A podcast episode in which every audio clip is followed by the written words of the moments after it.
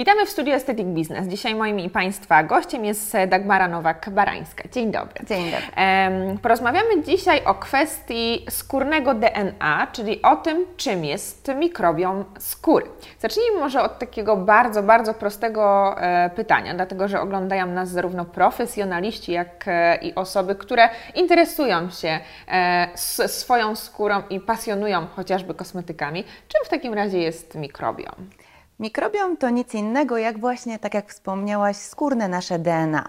Każdy z nas ma je indywidualne, jest ono właśnie taką charakterystyczną cechą dla każdego osobnika, zarówno ludzi, jak i e, zwierząt czy innych e, e, osobników. Tutaj, jeżeli mówimy o mikrobiomie skóry człowieka, musimy pamiętać o tym, że mówimy o takim ekosystemie, który gromadzi się na naszym naskórku, chroniąc tym samym nasz naskórek, skórę właściwą i tkankę tkanki podskórne przed wnikaniem patogenów ze środowiska. Tutaj, jeżeli mówimy o mikrobiomie, to jest zbiór różnych mikroorganizmów, takich jak bakterie, które zdecydowanie przeważają tutaj właśnie w tym naszym mikrobiomie, ale także mamy do czynienia tutaj z wirusami, z roztoczami czy też z grzybami. Gdybyśmy w takim razie mogli opisać e, taką główną funkcję mikrobiomu, jaka ona jest i co, e, co jej się przypisuje? Okay. mikrobiom to przede wszystkim ochrona naszej skóry. Jest to naturalna tarcza ochronna, tak jak już wspomniałam, przed wnikaniem patogenów szkodliwych dla naszego organizmu, ale ma też funkcje zakwaszające, dzięki temu, że razem z gruczołami potowymi i łojowymi e, zakwasza nasz organizm, zakwasza naszą skórę, w którym tak naprawdę w tym pH prawidłowym odbywają się właśnie procesy naprawcze naszej skóry i ochronne, więc taką główną funkcją absolutnie jest tej ochrony ochrona. E, jeśli możemy e, mówić o takim niekorzystnym wpływie e, na mikrobiom, co można wyróżnić, żeby nie zepsuć tego naszego skórnego DNA? Tutaj, jeżeli chodzi o mikrobiom, to głównym czynnikiem ścierającym, zaburzającym jego pracę jesteśmy tak naprawdę my sami i nasza zbytnia higiena często.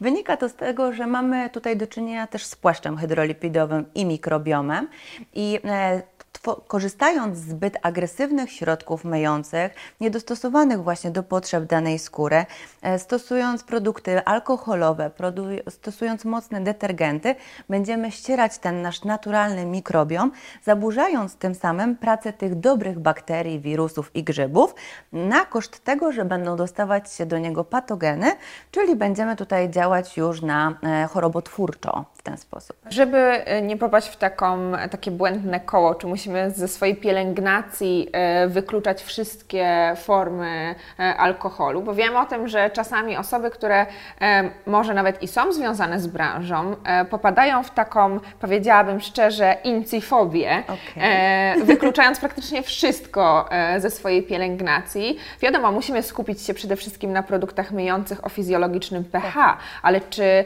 powinniśmy powinniśmy, czy też nie powinniśmy zweryfikować e, każdy produkt pod kątem tego, czy on ma alkohol. Jak nie popaść w tą taką e, właśnie e, fobię? Fobię. Tutaj świetnie w odpowiedzi na to pytanie myślę sprawdzi się formuła i nurt kosmetyczny, jakim jest skin cycling, dlatego że tutaj będziemy mieć do czynienia z uregulowaną pracą z produktami peelingującymi, z retinolami, ale też z produktami nawilżającymi. Bardzo ważne jest, żeby w takiej profilaktyce o ten płaszcz hydrolipidowy właśnie nie, nie popadać w skrajności. Retinolu nie wprowadzamy zbyt drastycznie, produktów alkoholowo-wysokoprocentowych również do naszej pielęgnacji. Taką pielęgnację powinien poprowadzić moim zdaniem dla nas kosmetolog i po to są właśnie konsultacje często kosmetologiczne.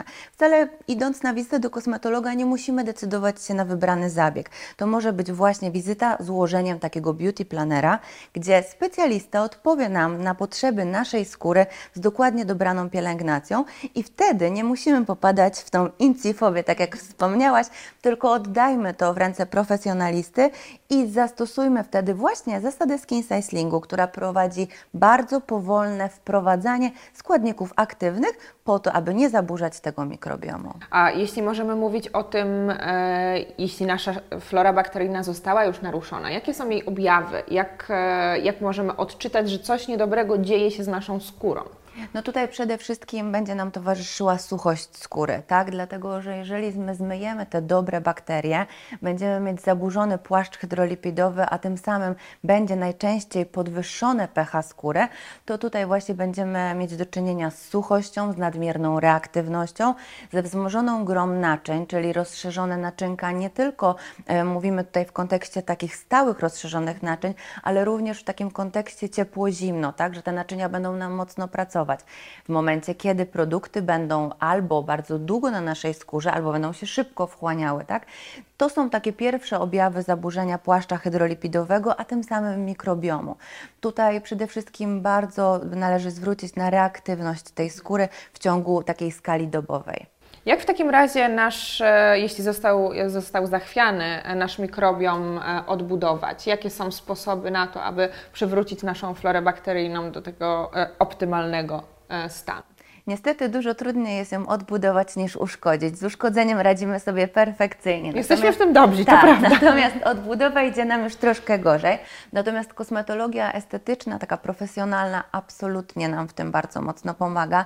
I w ostatnich latach ja osobiście widzę ogromny trend w takiej kosmetologii regeneracyjnej, bo właśnie wiele pacjentów, klientów, którzy zgłaszają się do gabinetów estetycznych, ich pierwszym problemem jest problem właśnie zaburzonej flory bakteryjnej i zaburzenie tego mikrobiomu, tym samym płaszcza hydrolipidowego.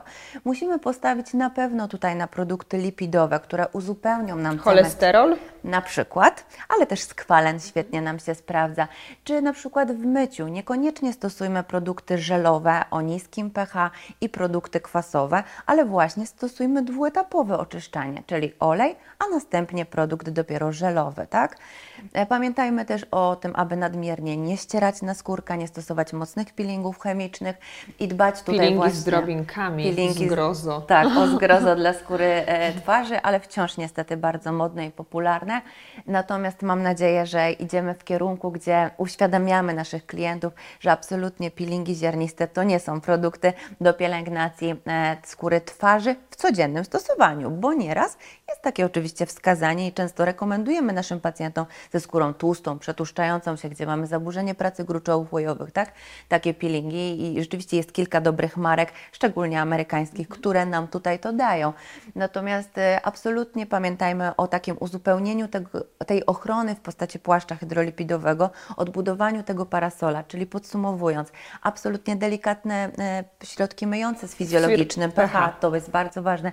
Powtórzmy, że fizjologiczne pH to jest w granicach między 5 a 6, 5,5 a 6 różnie, e, różne podręczniki nam tutaj podają, ale nie przekraczajmy tej granicy na pewno 6. Stosujmy na pewno tonizację, o tym wiele naszych klientek zapomina, zapomina że po kontakcie z wodą tonizacja Musimy. jest bezwzględna. Jeżeli nie przywrócimy odpowiedniego pH skóry, absolutnie żaden produkt pielęgnacyjny nie będzie miał szansy działać w 100% tak, jak deklarują e, producenci. I produkty lipidowe, no i niezapomniana ochrona SPF, bo o tym wiele osób e, zapomina, a niestety fotouszkodzenia bardzo nam niszczą nasz mikrobiom. Bardzo dziękuję za miłą e, dziękuję. rozmowę, a Państwa zapraszam na kolejny odcinek.